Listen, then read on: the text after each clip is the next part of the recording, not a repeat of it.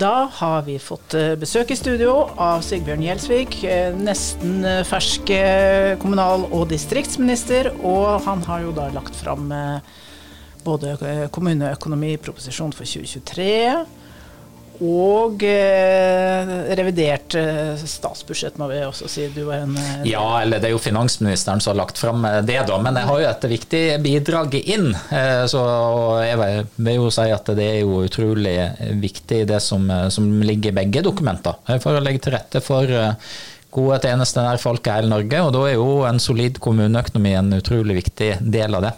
Du sa det var 17. mai på forskudd? Ja, jeg syns jo det. Jo, men altså, det er jo litt sånn det, altså, det, er jo, eh, det, er jo, nasjonaldag for kommunesektoren å legge fram kommuneproppen. Eh, dere er enig i det? Ja, jeg er enig. Ja, vi er jo på... Det burde vært litt mer flagging og musikk. Helt ja, et lite korps. men uh, syns, du, syns du kommunene har tatt imot budskapet godt? Ja, det syns jeg. Og jeg mener at kommunene har eh, gjort det som er kommunenes rolle. Både og, kommentert positivt det som, er, som, eh, de er veldig opptatt av, og som regjeringen er veldig opptatt av. Eh, at vi skal ha, legge grunnlaget, bygge stein på stein, for å styrke kommuneøkonomien. Det starta vi allerede med i statsbudsjettet i fjor høst. Å løfte de frie inntektene 4,7 milliarder kroner. 2 milliarder var jo forslaget fra den avgått-regjeringa. Og nå styrker vi ytterligere både i 2022 og inn i 2023. Og så skjønner jeg veldig godt at kommunene som skal være, de, skal være eh, representanter for, eh, for eh, sine innbyggere, for sitt næringsliv og for økonomien i sin kommune, at de tar opp spørsmål som de er opptatt av, og, og selvsagt få til stadig bedre løsninger. Så det er bra. Ja, og du har nettopp vært, Vi er jo i KS-huset, og du har nettopp vært nede og møtt eh, noen eh, fra kommunesektoren. og Det første de tar opp, er jo dette her med, med koronakompensasjon for 2022. Du, eh, regjering, både den forrige og det, deres regjering har jo vært rause med kompensasjon for 2020 og 2021. Men så er det liksom skapt litt usikkerhet om dere skal være like greie nå i 2022.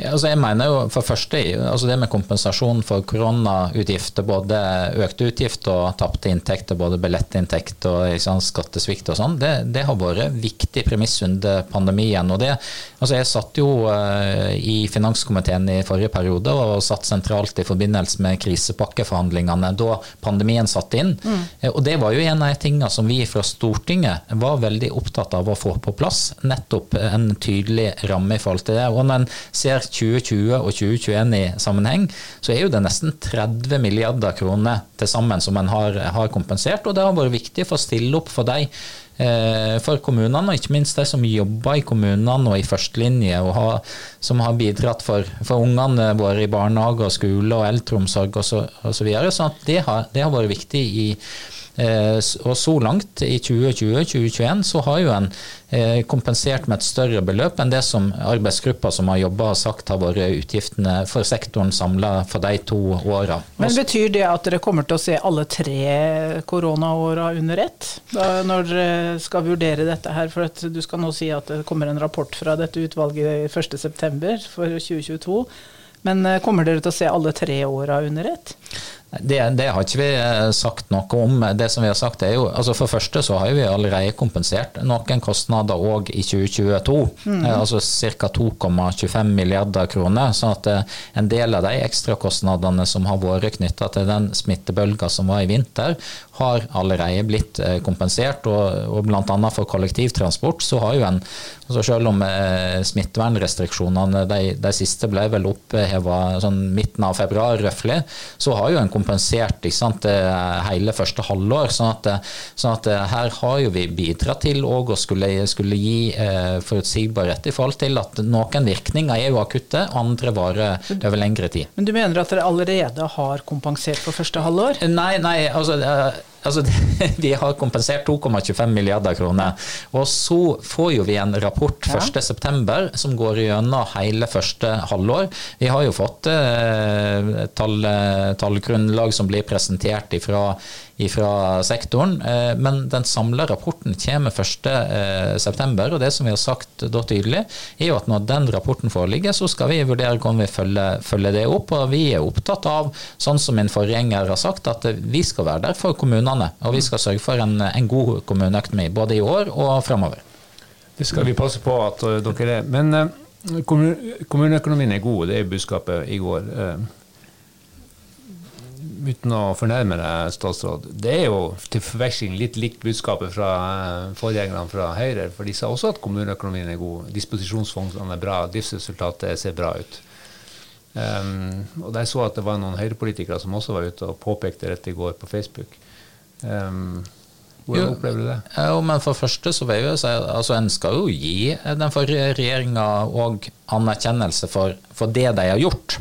Eh, og så skal vi kritisere dem for det de ikke har gjort. Ikke og, eh, og, jeg tror noe av bildet gjennom de siste åtte åra er jo at mange kommunepolitikere har opplevd at det som har eh, lege som ramme i kommuneproposisjonen og i statsbudsjettet på vekst i frie inntekter, har vært ganske stramt. Men så har det kommet en rekke år, og merskattevekst, som òg har gjort at en har fått, eh, som en har fått beholde, og som har gjort bl.a. at en kunne bygge opp eh, disposisjonsfond, som en har sett eh, år for år. Men så når vi kom til makta i, i, fjor høst, eller så Senterpartiet og Arbeiderpartiet kom i regjering, så var jo noe av det viktigste og første vi gjorde, var å signalisere at vi skal øke de frie inntektene til sektoren. Sant? Fra Solberg-regjeringa sitt forslag på 2 milliarder for 2022, så løfta vi det til 4,7 milliarder kroner. Og nå med det som vi la fram i går, så vil jo effekten og handlingsrommet bli økt med ytterligere 4,1 milliarder på toppen av det for inneværende år. Og så løfter vi sektoren videre inn i 2023 gjennom kommuneproposisjonen. Det skal du ha. Men det her møter du på politikkens jernlom om stigende forventningers misnøye, er det ikke det? Jo, men, men, men sånn, er jo, eh, sånn, er jo, det. Og det handler jo selvsagt om at eh, folk rundt forbi Norge eh, har forventninger til, og det skal de òg ha, å få eh, bedre tjenester hele veien, både i bygd og by. Eh, og Da er det behov for å styrke kommuneøkonomien, men òg selvsagt at vi tenker hvordan vi kan eh, både gjennom innovasjon og digitalisering utføre oppgaver på en, eh, på en smartere måte framover. Det handler både om hvordan du kan effektivisere og bruke pengene bedre, men det handler òg om at det, det er ikke bare folk, nei, det er ikke bare penger som kan være en utfordring, men det er jo det å ha folk til å gjøre jobben. Eh, sånn at eh, Det tror jeg blir en av de største utfordringene for kommunene framover, kanskje. Det å ha eh, tilstrekkelig arbeidskraft til å utføre de viktige oppgavene som skal være, både innenfor pleie og omsorg, men òg innenfor skole, barnehager. Og Da må vi tenke hvordan bruker vi de ressursene på en best mulig måte, og i hvert fall sørge for innovasjon, digitalisering, effektivisering av, av oppgaver i kommunene som, som, gir rom for det. Og det, det, er det mange spennende prosjekt på rundt forbi Norge. Ja, hvilke prosjekt tenker du på, og hva vil regjeringa sette i gang av prosjekt? Ja, altså hvis jeg tenker altså Av de ting som, som vi sjøl eh, sitter med ansvar for, så har vi bl.a. Eh, digitalisert eh, prosesser knytta til eh, tildeling av hjelpemiddel eh, innenfor, innenfor, Nav. Noe som i et samarbeid med kommunene, noe som gjør at en både får redusert kostnader, og ikke minst en får òg en mer effektiv eh, prosess, og, og, folk vil kunne få hjelpemidler raskere. Så det, det er jo ett eksempel på, og det var jo faktisk eh, Eh, altså På min første ordinære arbeidsdag som statsråd, så besøkte jeg det som da heter DigiHot i, i eh, Sandnes, eh, som, som, jobber nettopp med det, og i god samarbeid med, med kommunene. Og så har en, en rekke kommuner rundt forbi Norge som altså for eksempel, vi, Jeg har jo fått gleden av å, å, reise litt. altså Jeg ble påminnet at det var en måned siden jeg ble statsråd. Det føles egentlig mye lengre, men, men i hvert fall jeg har fått mulighet til å reise rundt med, på innspillsmøter angående distriktsmeldinger. Og eksempelvis når vi var i Møre og Romsdal, så fikk vi gode innspill fra Kristiansund kommune, som har, eh, har, gode prosjekter i forhold til å tenke digitalisering, og hvordan du, eh, hvordan du utnytter potensialet innenfor offentlig sektor på en, på en bedre, bedre, måte. Og, og, vi har òg hatt eh, gode møter, ledet av statsministeren òg, som fokuserer på digitalisering i offentlig sektor, og, og samspillet med, mellom, mellom statlige etater og kommunesektoren. Du har, du har jo fortid i lokalpolitikken.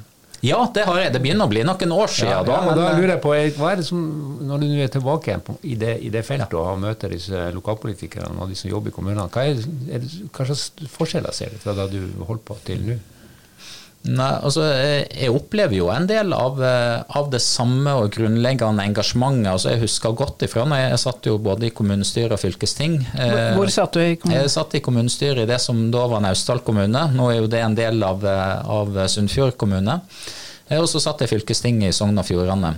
Eh, og det å sitte i kommunestyret var en utrolig eh, god eh, læring, og en, eh, og en veldig engasjerende, ved seg òg, for at du kommer veldig tett på. Eh, tett på innbyggerne, tett på liksom, hva skal du liksom Eh, opprettholde en eh, skolestruktur eh, sånn som den er i dag? Skal du, tenke, skal du ha en annen organisering? Hvordan skal du løse oppgavene for, for framtida? Og med, med, tidvis veldig sterkt og godt engasjement fra innbyggerne på de vedtak som, som, blir gjort. Og det opplever jeg fortsatt. Men, men en av de tingene som, som Senterpartiet har vært veldig kritisk til, eh, til eh, kommunesammenslåinger og fylkessammenslåinger, så handler jo det òg om at en da eh, veldig fort fjerner seg mer ifra de som en skal fatte beslutninger for.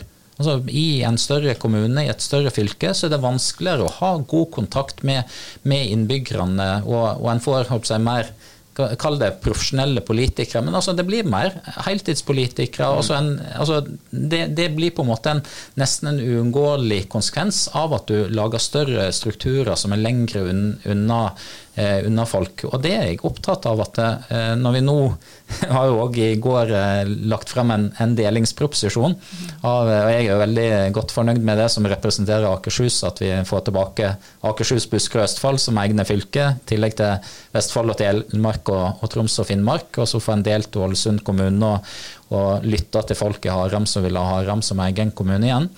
Eh, men, men det handler jo nettopp det om å politikk og lokalpolitikk det handler om legitimitet. Det handler om, om å være nær på de en represent, skal representere.